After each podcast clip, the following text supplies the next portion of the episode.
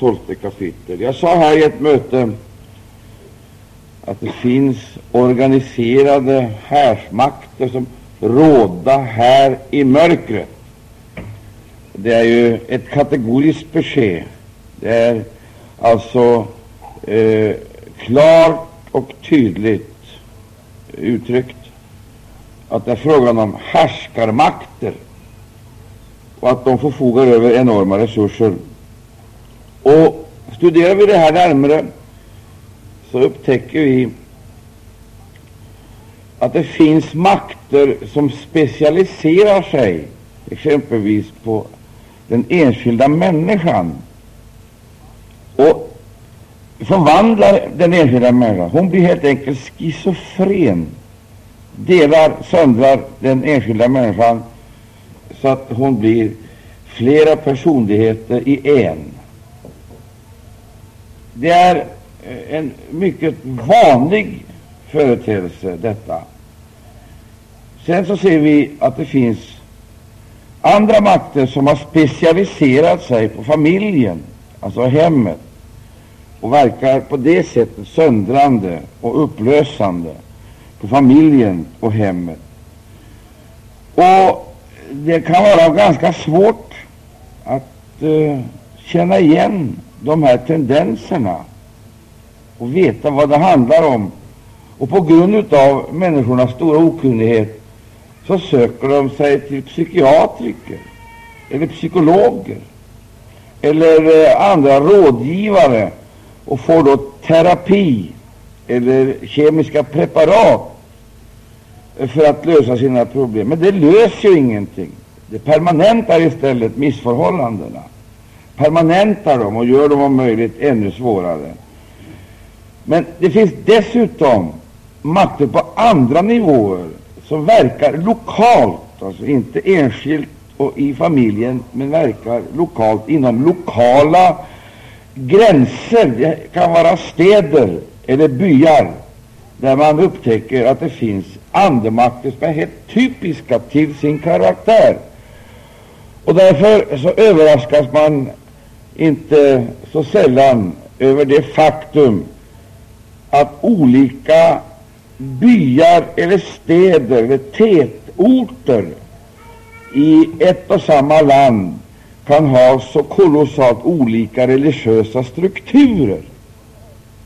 Det är en oerhörd skillnad på de religiösa strukturerna emellan exempelvis Stockholm och Göteborg, Göteborg och Malmö, Örebro och Karlskoga och Karlskoga och Lindesberg.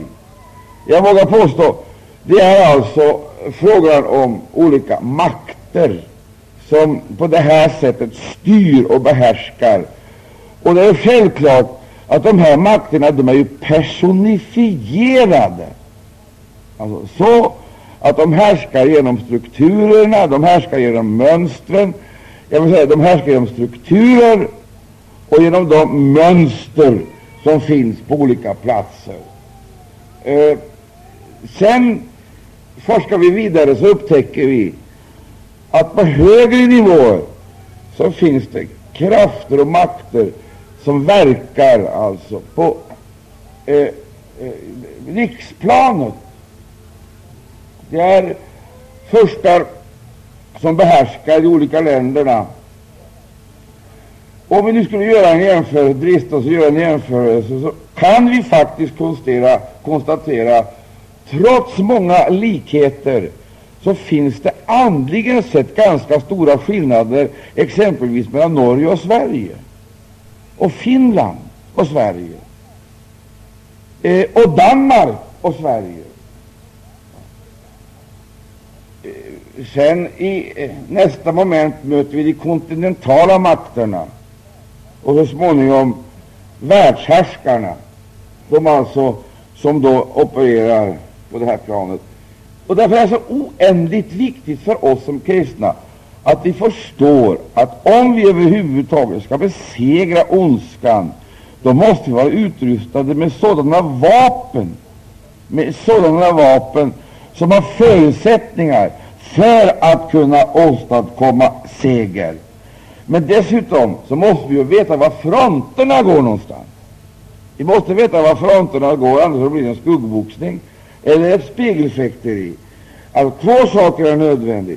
Vi måste veta alltså på vilken nivå kampen skall utkämpas. Vi måste veta vilka eh, så att säga, krafter vi har att gå emot för att vinna seger. Nu vet ju varenda människa att eh, vi är influerade på mera än ett sätt. Alltså vi, vi, vi står under olika influenser och influeras av vår omgivning. Och I Första Korinthierbrevet 12 där har vi en undervisning som inte är så lätt att gripa tag i. Men varför ska allting vara så lätt och lättvindigt? Varför ska det gå så lätt? Kan vi inte ta lite tid och begrunda det här och ta reda på vad det egentligen handlar om, eftersom det nu är så oerhört angeläget?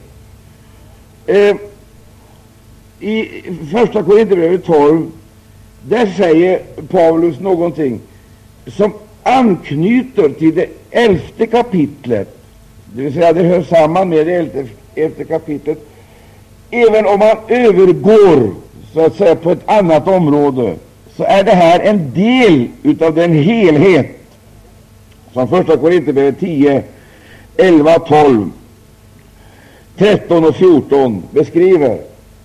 Det finns alltså en viss risk nu att vi rycker bort den här delen ifrån sammanhanget och får därigenom alltså en felaktig syn på helheten. Men låt oss nu i alla fall försöka att utifrån den här, en, eh, den här enskilda detaljen så att säga, se hela sammanhanget.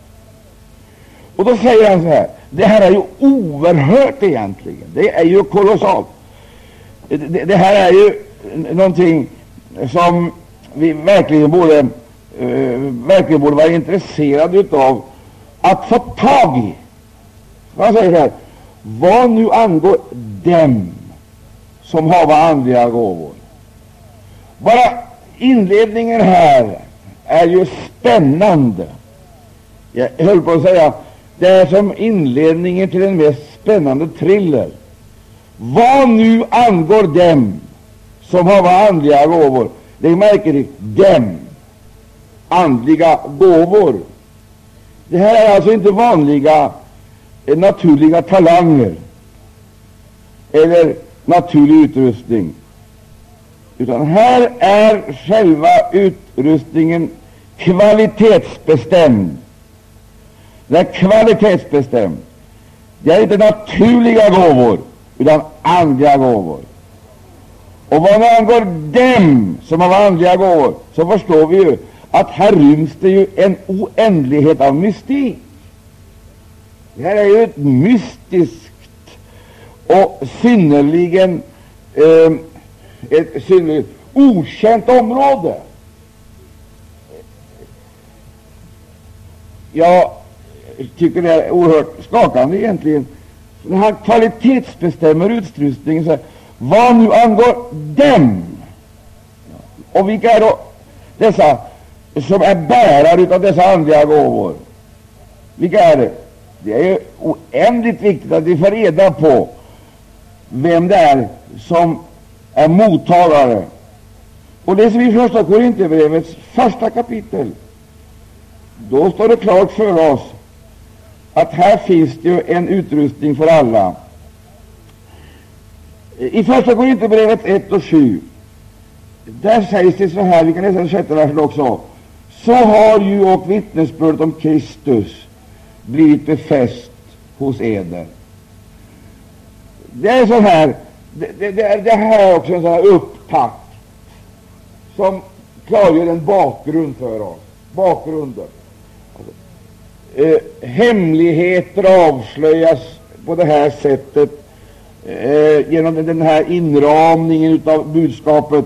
Alltså, så har ju och vittnesbördet om Kristus Kristus blivit befäst hos eder. Och hur sker detta? Kan ni svara på det? Att, ett, att vittnesbördet om Kristus blivit befäst. Det är en sak alltså att ta emot vittnesbördet om Kristus, och det är faktiskt en annan sak att få detta vittnesbörd befäst. så det är fast.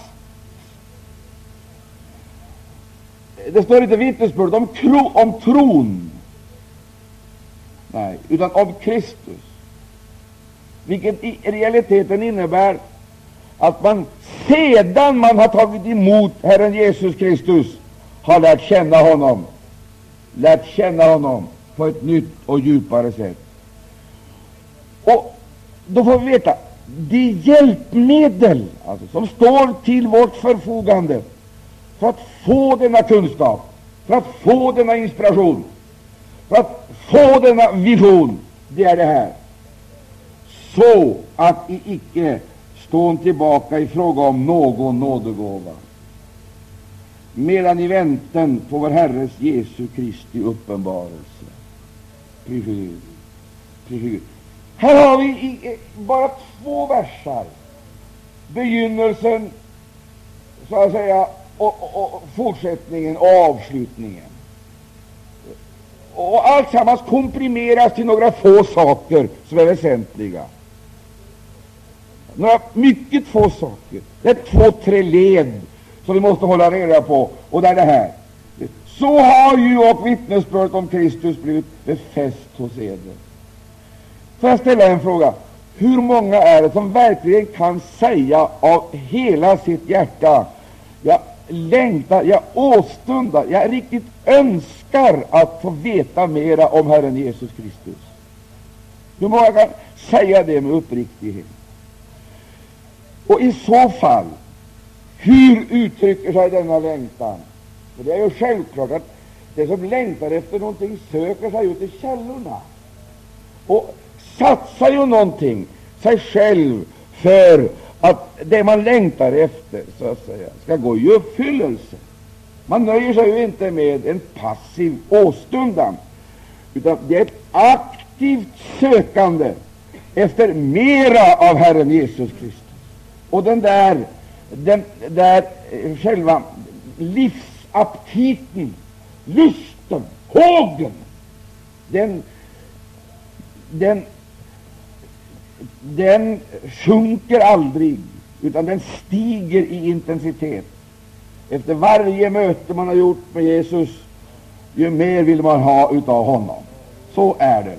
Och har man gjort barnaskapets upplevelse, så man verkligen har fått barnaskapets visshet, då har man genom denna ande som är nedlagd i denna människa samtidigt fått denna inneboende gudslängtan, denna kraft som driver fram till nya och fortgående upplevelser i gemenskapen med Herren Jesus Kristus. Tror du det, så säger jag med. Här ligger ju hela hemligheten.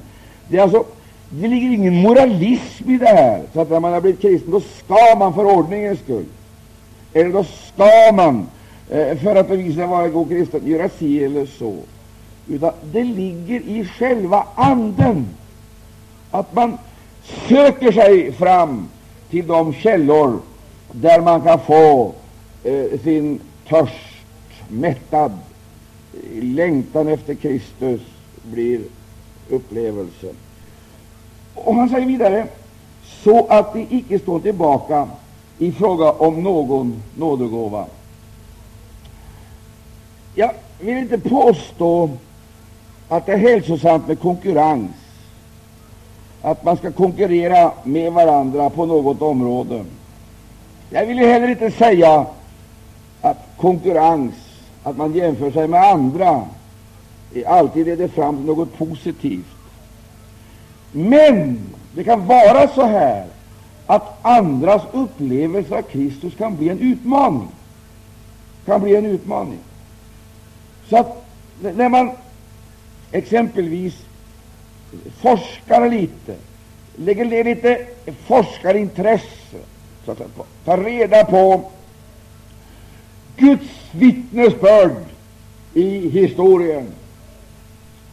Vad har Gud gjort i tider som ligger bakom? Vad berättar oss den heliga historien? Vad säger oss eh, eh, apostlagärningarna eller den heliga andens gärningar historia?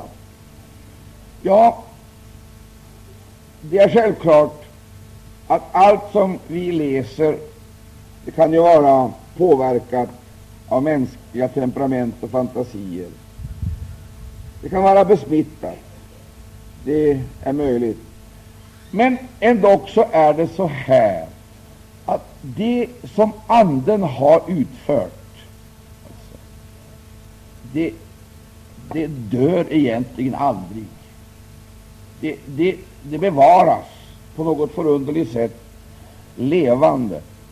Så även om man inte kan få eh, allt, så kan man få väsentliga ting utav Andens mäktiga uppenbarelse. Och vi har ju ett oerhört tillflöde av uppgifter, informationer, som samlar sig till en mäktig kunskap om Guds storhet, Guds härlighet och Guds ingripanden i tider som ligger bakom. Men har ni lagt märke till en sak? Har ni lagt märke till en sak? Då vi läser det här så upptäcker vi på något vis att vi, det, vi har distans till de här tingen.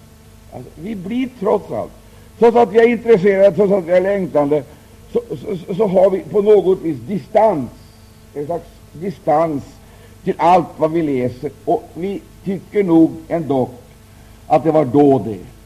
det var då. då var tiderna annorlunda, då var allting så annorlunda än vad det är nu.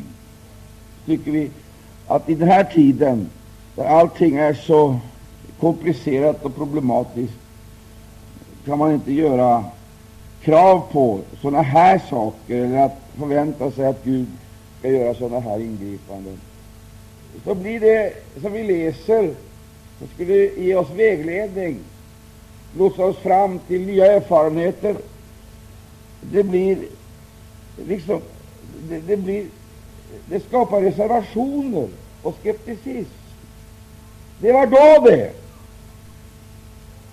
Och jag funderat, jag har funderat på var vi har fått det därifrån. Var, var kommer det därifrån egentligen? För om tiderna förändras, det kan vi aldrig komma ifrån, att förhållandena förändras där genom att människor förändras, så förändras väl aldrig Gud? Det gör han väl inte? Kan vi med bestämdhet hävda att Gud är densamme? Kan vi säga det? Och när Jesus har sagt så här, utan att han därför så att säga, avgränsade med några reservationer. Alltså, jag är med er alla dagar i det tidens ände. Därför finns det anledning att förlita sig på ett sådant ord. Kan man tro på det? Är han med, så säger jag amen. Och han är med alla dagar intill tidens ände.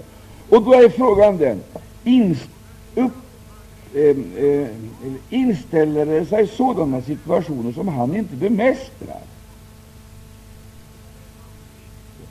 Så människan, då hon liksom låter sig exponeras av den onda andevärlden på de olika nivåerna, är klurigare, eller så klurig och invecklad att Gud inte skulle rå på de situationer som människan skapar.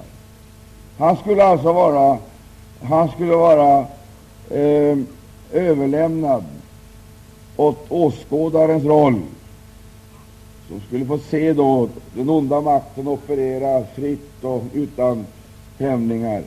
Det stämmer inte. Det stämmer inte. Det stämmer inte! Definitivt inte. Jag blev så gripen när jag tänkte på det här i ett annat perspektiv, om du orkar följa med den här heta söndag eftermiddagen. Jag ska visa, ge dig ett annat perspektiv. Jag blev så oerhört gripen av det här när jag såg det i ett annat perspektiv. Ty I Johannes uppenbarelsebokens första kapitel där har vi några märkliga ord, så märkliga som vi har svårt att läsa dem och sätta tilltro till dem. Jag tror faktiskt att det är så. Och där, där om man säger så här, där tätnar liksom mystiken omkring själva budskapet. Det, den tätnar, därför att språket blir annorlunda, bilderna blir annorlunda, situationerna blir annorlunda, allting blir så annorlunda i jämförelse med vad vi kan läsa i Bibeln i övrigt. Ja, man får gå till det gamla testamentets eh, profeter, Danielsboken. eh, för att hitta släktskapen. Men här i Uppenbarelsebokens första kapitel, lyssna min älskade vän, så heter det så här. Detta är en uppenbarelse från Jesus Kristus. Du känner igen släktskapen med det jag nyss har läst, uppenbarelse om Jesus Kristus. Detta är en uppenbarelse. Och så heter det vidare, en som Gud gav honom för att visa sina tjänare vad som snart skall ske. Och medelst ett budskap genom sin ängel gav han det till känna för sin tjänare Johannes, som här vittnar och frambär Guds ord och Jesu Kristi vittnesbörd, allt vad han själv har sett. Och vad, vad är det uppdraget gäller? Och vad är syftet? Uppdraget det är att visa vad som snart skall ske.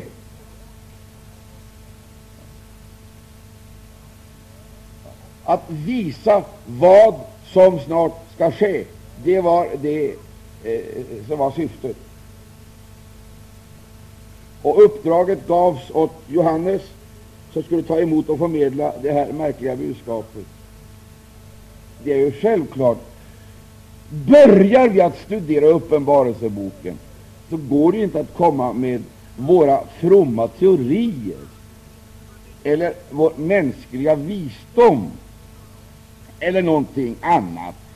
Det finns ingen teologi, så att säga, som förmår att pejla djupen, höjden, bredden, längden i denna oerhörda undervisning. Det finns ingen, det finns ingen utbildad eller färdig teologi, inga doktriner, det finns ingen dogmatik, det finns ingenting som räcker till.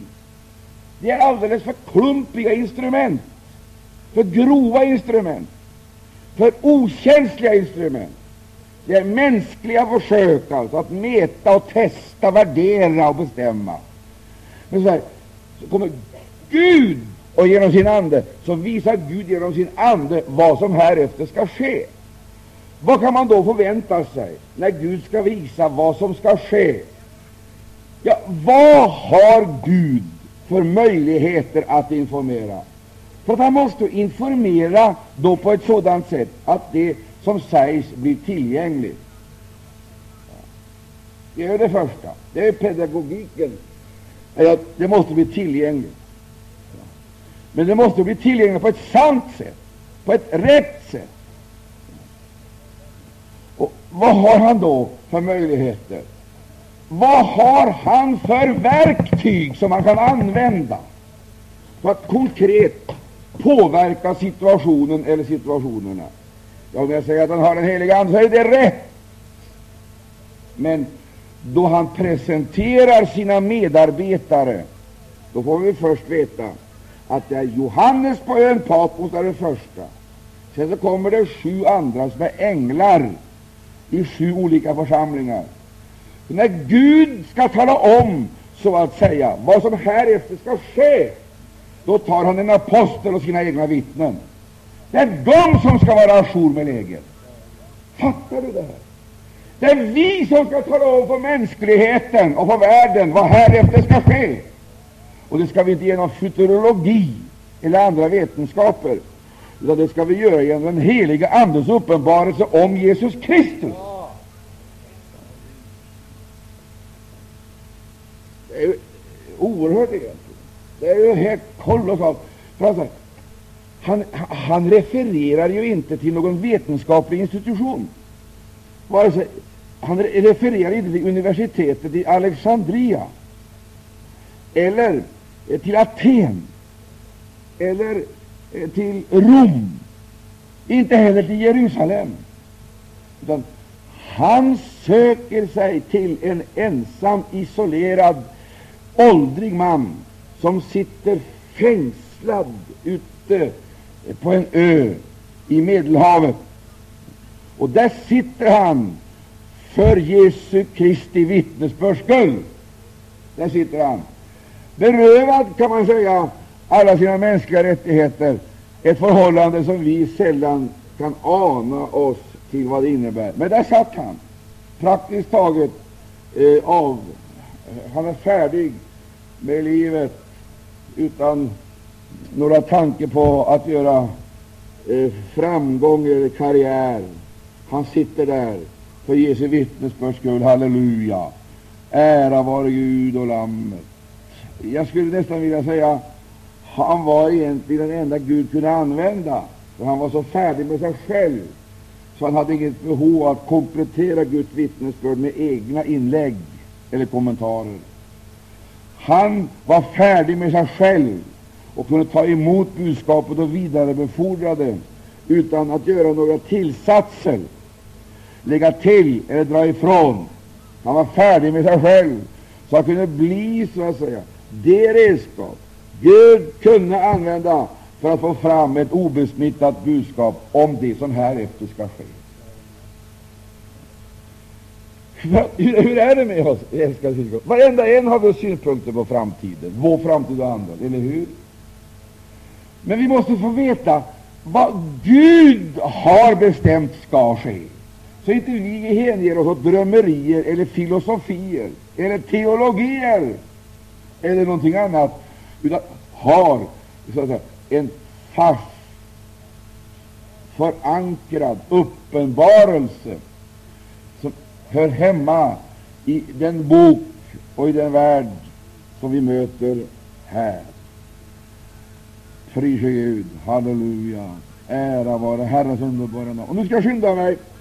Därför vad har då Gud för redskap som konkret kunde påverka och informera på ett sant sätt?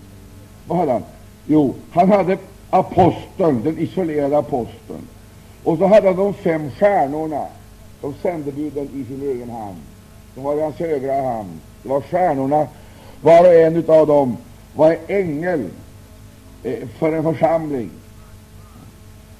Och jag vet inte om du ser något stort i det här. För mig är det här väldigt väsentligt och betydelsefullt.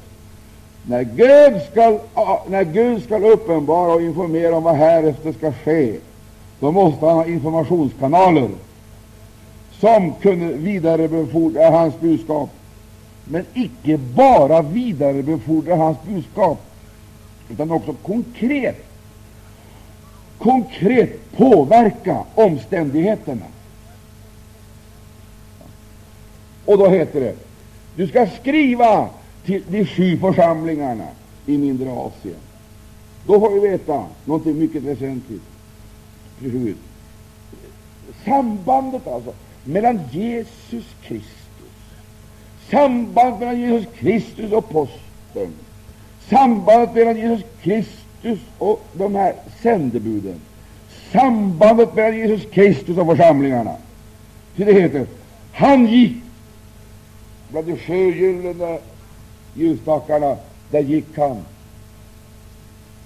såsom en människoson bland de sju gyllene ljusstakarna. Och det, det, här är ju egentligen helt enormt. För att då får vi veta någonting som egentligen är mycket väsentligt, nämligen att Jesus är närvarande i tiden, i församlingen. När vi säger Jesus här, Jesus här, Jesus här, så är det sant. Där hans församling är, där är Jesus Kristus. Tror du det, säger Amen. Och det är ju detta som egentligen håller ondskan tillbaka. Det är Jesu närvaro som gör det möjligt för församlingen att fungera. För Jesus är inte bara i himlen, han är i församlingen, i tiden på jorden. Och han går däribland de sju gyllene ljusstakarna avsiktligt för att korrigera, för att förnya och för att fortgående uppenbara sig och sin vilja för församlingen. Det är Jesus-närvaron som är garantin för att vi får sanna informationer. Det är Jesus-närvaron som är garantin för att vi kan fungera. Det är Jesus-närvaron som möjliggör att ondskan, den hålls stången. Den kan inte göra det den egentligen åstundar att göra. Den är uppbromsad, hindrad och hämmad genom Jesu närvaro.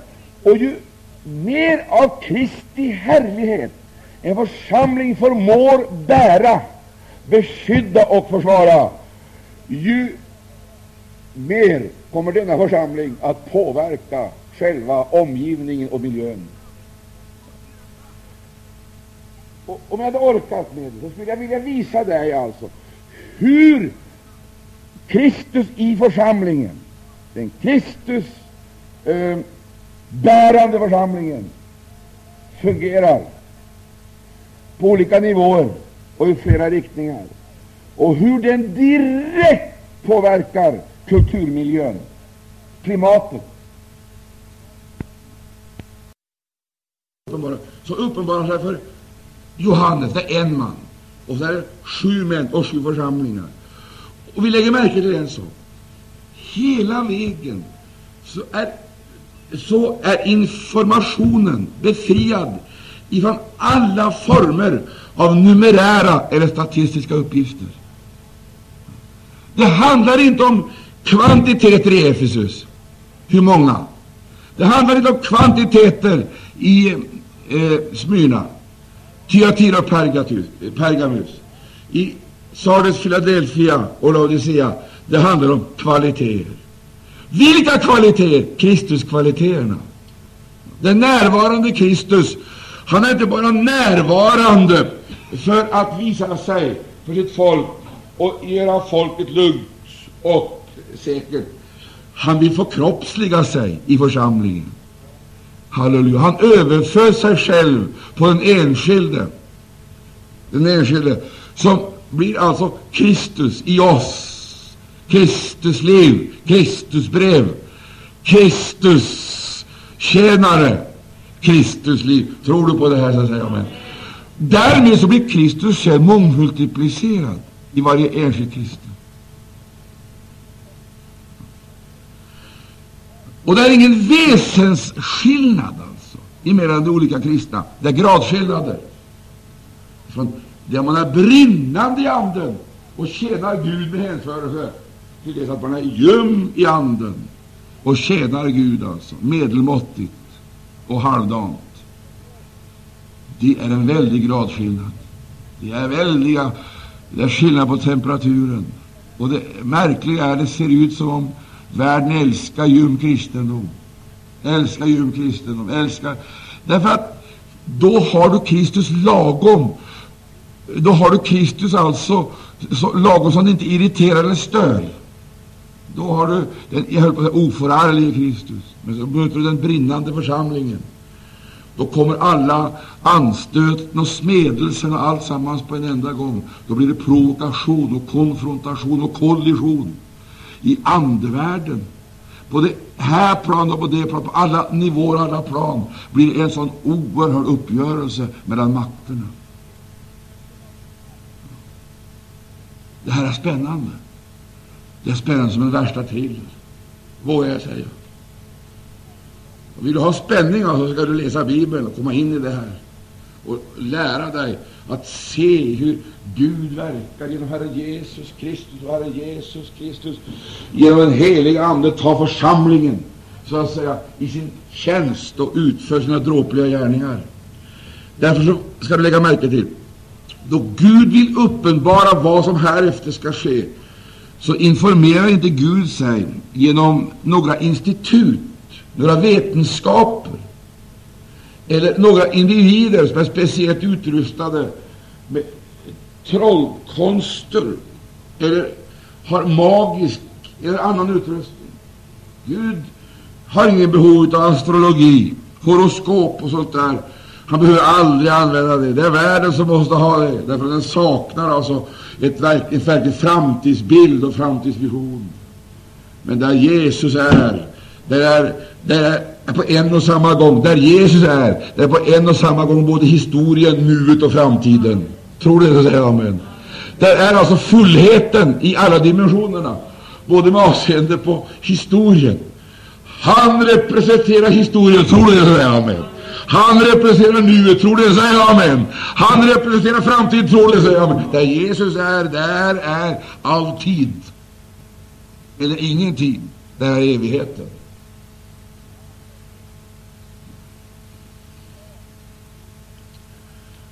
Nu eh, blir jag, jag blir så gripen av det här.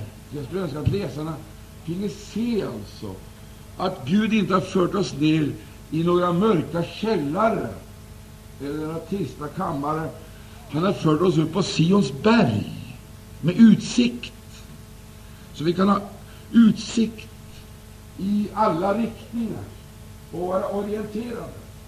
Och han har gett oss inte träldomens ande, utan barnaskapets ande. Och han har icke gjort oss till trälar, utan till söner, till fria söner, med rätt att använda kunskapen, ta emot kunskapen, använda och låta sig uppfyllas för att tjäna honom. Vilka rättigheter vi har fått, vilka möjligheter. Tror du på det här? Säger amen. Tror du så säger amen. Det är därför jag tycker det är så otäckt att se exempelvis unga människor bli håglösa. Håglösa. När, ser du komma in i kristna församlingen och då sitter en samling håglös ungdom som inte kan eh, tacka Gud och inte kan klappa i händer, och så, då, då, då, då blir jag, jag blir illa berörd. Förfärligt illa berörd. För det innebär bara att de aldrig har förstått vilket oerhört intressant liv som egentligen Jesus Kristus har kallat oss allesammans undantagslöst att leva. Vilket spännande liv! Och det som avskärmar oss ifrån möjligheten att se det här, det är den falska bild av världen som vi får genom tidsanden. Det som lockar oss och bedrar oss samtidigt. Det som tjusar och samtidigt ger oss ånger och ångest. Det som drar och samtidigt stöter bort. Det som hela tiden påverkar oss Eh, och som är så oerhört mäktigt utgjuten i den värld vi lever i. Jag blir så bedrövad när jag ser människor som tror att bara man anpassar sig till världsanda, världsmönster, eh, då eh, blir man en eh, harmonisk människa. Det är ett bedrägeri. Det här sagt som en parentes. Tänk vilket spännande liv Gud har bestämt att vi ska leva. Och nu ligger det i förlängningen av det jag nyss har sagt, det här. Nu vill Gud att Maranataförsamlingen i Örebro, genom dess föreståndare och genom syskonen här, ska vara tidsorienterade, historiskt orienterade, samtidsorienterade och framtidsorienterade, så att vi kan gå ut med ett myndigt budskap, ett budskap som är inspirerat av den heliga Ande och ordinerat genom Anden, och förklara för människan vad som härefter ska ske. Det är inte FN som bestämmer det. Det är inte riksdagen som bestämmer det. Vår framtid bestäms ej heller av kommunalfullmäktige eller andra maktcentra. Det är Herren som har sagt, bestämt gränser, epoker. Och då ser vi att det Gud räknar med, det är inte frimureriet, där de eh, så att säga eh, förmögna och makthavarna samlas i sina organ. Verkligen inte. Verkligen inte. Det är inte andra internationella eller nationella organ, klubbar eller maktcentra Gud räknar med. Gud räknar med församlingen, och även om den ser ut som Laodicea, så förväntar Gud sig en förändring, så att det ljumma Laodicea kommer i ett sådant tillstånd att det på ett påtagligt sätt kan påverka omgivningen i Laodicea. Nu väntar Gud sig att Maranataförsamlingen ska resa sig upp med gudomliga fullmakter. Ära vare Gud och bli tända och, och, och, och, och sända och fyllda av Guds heliga Ande för att tjäna honom med makt och myndighet. Ta emot erbjudandet. Är du redo att acceptera det, bejaka det, att gå in i det, så handlar det om dig. Du kan få smaka det här den här dagen, den här eftermiddagsstunden. Vi går tillbaka till första Korinthierbrevet 1, och, och, och då ser vi där avslutningsvis hur Paulus eh, talar om församlingen i Korint. Det finns naturligtvis många andra sätt att, eh, eh, att eh, eh, testa analysera och definiera förhållandena i Korint. Men jag tycker det är så fantastiskt att han går ut ifrån Kristus. Det som har någon betydelse, det är inte de olika namnen, de olika personerna, utan det är vad Kristus har fått utföra i den enskildes liv. Och då budskapet har den här karaktären, då blir man jätteglad, man blir jättelycklig. Man blir verkligen jätteglad när du har det här budskapet, den här karaktären. Där det heter så här, alltså i Första Korinthierbrevet 1. Så har och vittnesbördet om Kristus blivit befäst hos eder. Låt mig då helt kort få fråga, hur många vill ha mer av Kristus? Hur många längtar efter att få tag i mera utav denna verklighet, denna helighet? Hur är det med er ungdomar? Har inte ni något behov av det? Har inte ni något behov av detta? Det här är ju fruktansvärt väsentligt, för annars så kommer vi att bli Kristus karikatyrer. Vi blir karikatyrer, eller vi blir på annat sätt så kommer vi att skapa ett löjets skimmer eh, omkring hela den kristna, hela det kristna budskapet. Det måste få gestalta oss, forma oss, dana oss. Och därför är det så viktigt att det blir fäst hos er, och så, så att ni icke står tillbaka i fråga om någon nådegåva.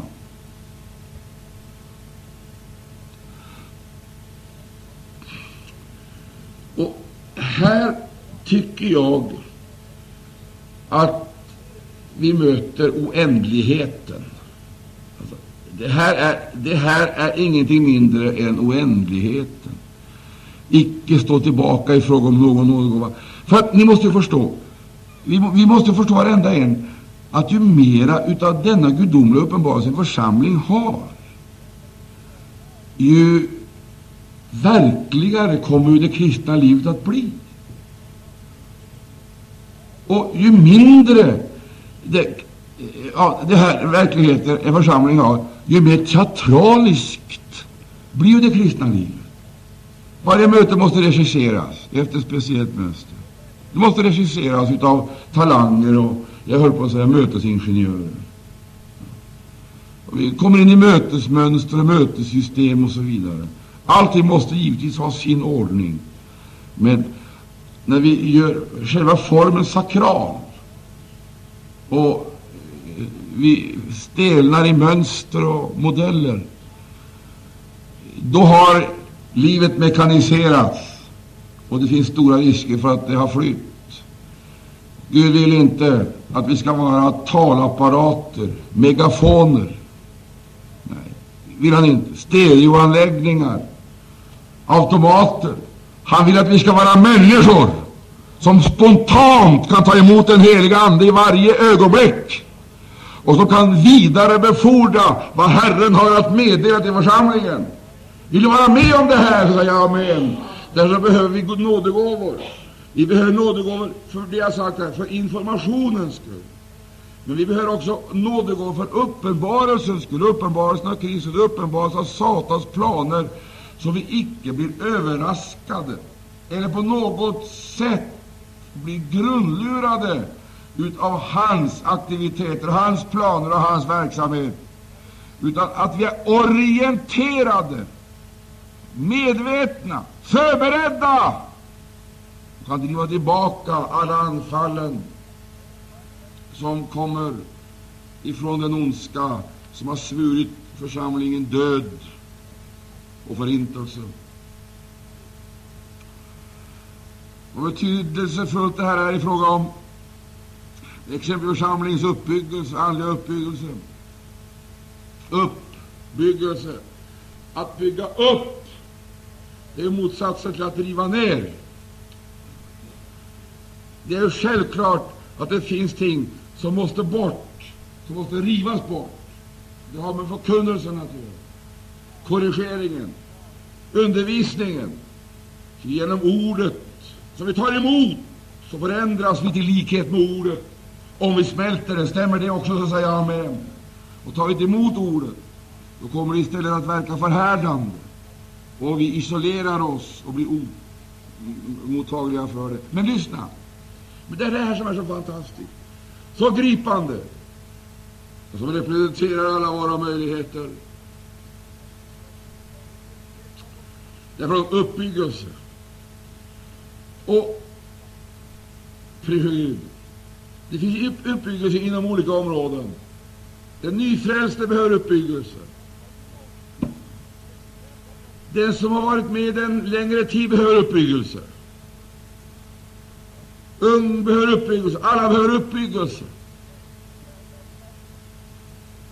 Och nu säger Skriften att den här uppgiften, den har vi fått allesammans, undantagslöst. Så vi kan uppbygga på olika plan och på olika sätt, genom olika gåvor. Prisa Gud. Vi har en uppbyggelse som handlar om tungomålstal. Den som talar i tungor uppbygger sig själv. I skriften säger han talar i andehänryckning hemlighetsfulla ord för Gud. Bara det är ju mystiskt och märkligt. Förstå det, min älskade vän, att tungomålstalandet har ju en sån enorm betydelse för vår personliga uppbyggelse. Det är många som inte använder det här och inte förstår sig på vikten av det här. Och därför når de inte den här uppbyggelsen, når inte fram till den personliga individuella uppbyggelsen. Vi fick det här gåvan för att vi skulle vara oberoende av andra för vår personliga uppbyggelse i största möjliga utsträckning. Därför att hur det nu än är, så umgås vi ju inte varje minut, varje timme. Vi möter saker och ting som är nedbrytande. Men så finns det inom oss en ande som bygger upp. Och den anden den fungerar påtagligt då vi är ensamma och inte har kontakt med en broder eller syster. Så talar anden i oss. Den suckar och den vedjar och den beder. Den formulerar ljud och uttryck som hjärnan inte kan kontrollera och som heller inte himlarymdernas eh, tilltäppta eh, maktcentra kan censurera. Storslaget, enormt, fantastiskt. Du kan bli nedbruten av rapporterna du hör. Nedbruten av det ena och nedbruten av det andra. Och det kan se ut som Kristus har förlorat sin makt, och ibland så förfaller vi till sådana eh, tankar att det här kommer aldrig att gå. Så börjar vi tala i tungor. Så uppbygger vi oss. Och när vi har så att säga, talat i tungor ett tag, så upptäcker vi att Jesus lever. Halleluja! Ty, ty just det faktum att du blir uppbyggt är i sig själv ett vittnesbörd om att Jesus är på tronen. Och är han på tronen, så kommer aldrig någon att kunna detronisera honom därifrån. Är han på tronen, så säger jag amen. Han är på tronen idag. Det är det här som är vittnesbördet som du som enskild människa har inom dig. Och du behöver inte då gå och söka så att säga, kunskap, exempelvis i samtal och resonemang, som vanligtvis utvecklar eh, sig. Det är en massa struntprat, oväsentligheter som sen stjäl tiden och skapar ärr i samvetet. Men tänker du när man inte vet hur man ska bedja, man vet inte dugg hur man ska bedja, har ingen aning hur man ska formulera bönen.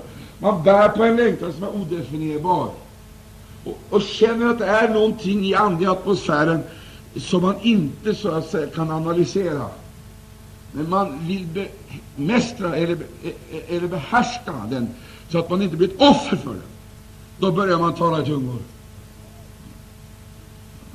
Har du varit med om det här? Det här är sällsamt underbart. Så talar man i tungor, och då uttalar man ord som hjärnan inte så att säga kan kontrollera och som heller inte kan förstås utav den andevärld som härskar i himlarymderna. Det går igenom alltså som koder, som jag på, hemlighetsfulla koder ifrån jorden, och det går rakt in till Faderns härlighet på han, i hans tronhimmel. Ty då kommer den heliga Ande med bud ifrån jorden om de här människornas kamp Och vad de beder om, som de inte själva förmår, det uttolkar den heliga Ande. Och så bär Anden fram, så att säga, bönerna. Och rätt vad det är, så kommer bönesvaret. Och fastän man inte har vetat vad man har bett om, så känner man igen bönesvaret genom den mättnad det skapar.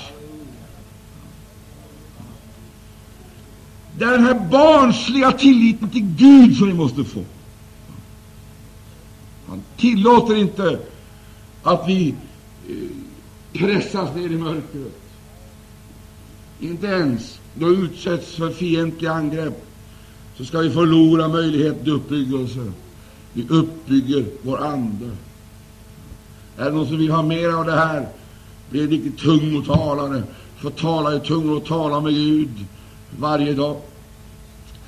Här har du å, å andra sidan sett bort ifrån den personliga uppbyggelsen till ett annat område som nu också är mycket viktigt. Mycket viktigt. Det är att vi inte blir parasiter i församlingen som ständigt vegeterar på andras andliga liv.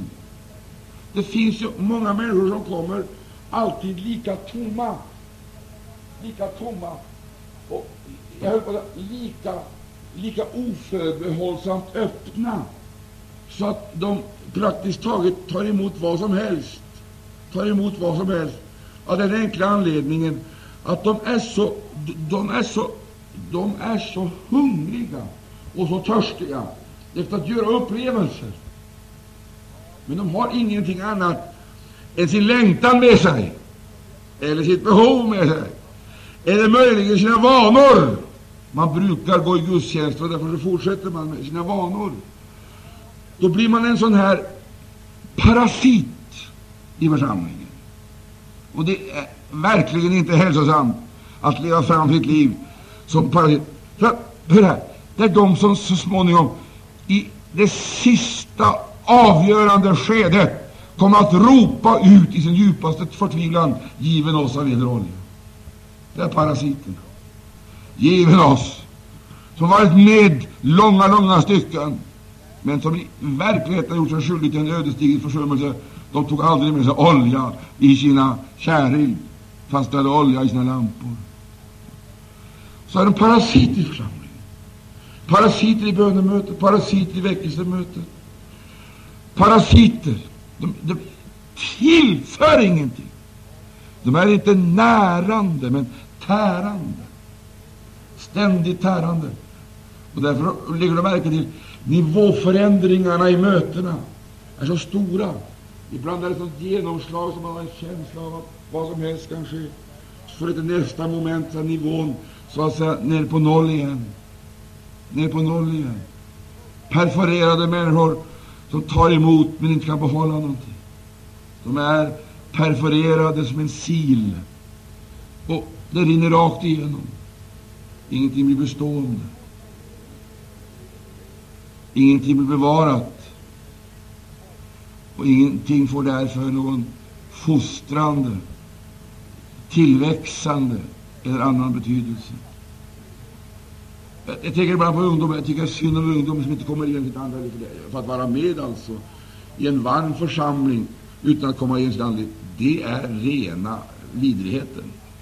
Det är värre än någonting annat. Och det är väldigt farligt dessutom. Väldigt farligt att vara med i en församling med brinnande och inte själv komma igenom. Ty då blir man en garderad eh, skådespelare som kan spela och trixa med andliga ting och så vidare. Leka och, och nojsa och gyckla lite också med det hela. Du har så mycket som intresserar dig. Ditt eget utseende kan bli en frestelse för dig. Ditt eget utseende kan du bli upptagen med dig själv. Om du inte är upptagen med mina studier eller med arbete eller med hobby, sina intressen, så kan till och med ett eget utseende bli en frestelse. Dina kläder. Sådana struntsaker Det kan bli en orsak alltså, till att du blir fastlåst och oanvänd, en parasit i församlingen. Det här är ting som drabbar unga människor. Det finns andra saker som drabbar äldre människor. Som har kommit lite längre i livet, som kanske låses fast på annat sätt. Men risken är hela tiden att vi istället för att tillföra beröva församlingen någonting. Därför är det väldigt viktigt att du får en egen möjlighet till uppbyggelse. Döp den heliga Ande så du kan tala i tungor för dig själv. Haramagandori civilimidio, där du är, där du, där du går. Så när du kommer till församlingen så har du gjort sådana upplevelser, och erfarenheter. Så du sitter inte och väntar på att du ska få en kick i känslolivet, utan då sitter du redan fylld av den heliga Ande. Och så blir du ett, så att säga, en, du, du blir en bär, bärnivå. Du blir bärare av en andlig nivå, en andlig nivå i församlingen, som, in, som in, innebär att församlingen, ära vare Gud och Lammet, kan eh, så att säga blir denna, eh, denna förtätade atmosfär där vi upptäcker Kristus närvaron eh, på ett så påtagligt sätt att människor blir helade, människor blir förnyade, människor blir frälsta, människor blir övertygade överbevisade att Herren är mitt ibland eder. Det är det det gäller. Det är det det gäller. Ser du, då är vi alltså har möjligheter att fungera varandra till tjänst, fungera varandra till information och meddelelse om kommande händelser och ting. Barnaskapets rikedom gör det möjligt för oss att fungera, ära vare Gud, genom den heliga Ande. Herre, måtte du kunna säga som oss att ingen, att icke stå tillbaka i fråga om någon nådegåva. Gud vare lov. Kristus uppenbarelse ledde fram till rikedomen av Andens eh, gåvor för att vi på ett rätt sätt kan förbida honom. För det är det det handlar om. Vi ska inte såsom parasiter lämna tiden. Vi ska inte i misär lämna tiden. Vi ska i seger gå för att möta honom, smorda av den heliga Ande, ägande ett överflödsliv, ska vi tillsammans gå för att möta honom som snart kommer igen. Är du med på det här? Ska vi gå in i det här? Herren kallar oss till det nu. Amen. Jag tackar dig, kära Herre Jesus Kristus, för denna, denna fantastiska rikedom, denna väldiga möjlighet, denna härlighet. Tack att den ger oss allihop. Den ger oss allihop, varenda en. Tack att vi kan bli bärare, Herre Jesus, av dessa gåvor. Ung och gammal, här kan bli bärare, halleluja, av dessa mäktiga resurser, dessa gåvor. Gud i himlen, så vi på ett rätt sätt kan se dig, kan beskriva dig, kan tjäna dig och kan vänta dig, kära Herre, som kommer igen. Herre, du talade till aposteln, du talade genom de sju eh, änglarna, och du uppenbarade dig i församlingen. Tack att du räknar med ditt folk, kära Herre Jesus Kristus, det folk som du själv har uttagit för dessa otroliga uppgifter, och Gud, som du har införsatt oss i genom den heliga Ande. Så bejakar vi kallelsen. Halleluja! Överlämnar oss åt dig, öppnar oss för dig. Och Jesus låter oss uppfyllas utav den heliga Ande. Tack för seger. Tack för seger. I Jesu namn. För allt lovar vi dig. Amen. Amen. Vi har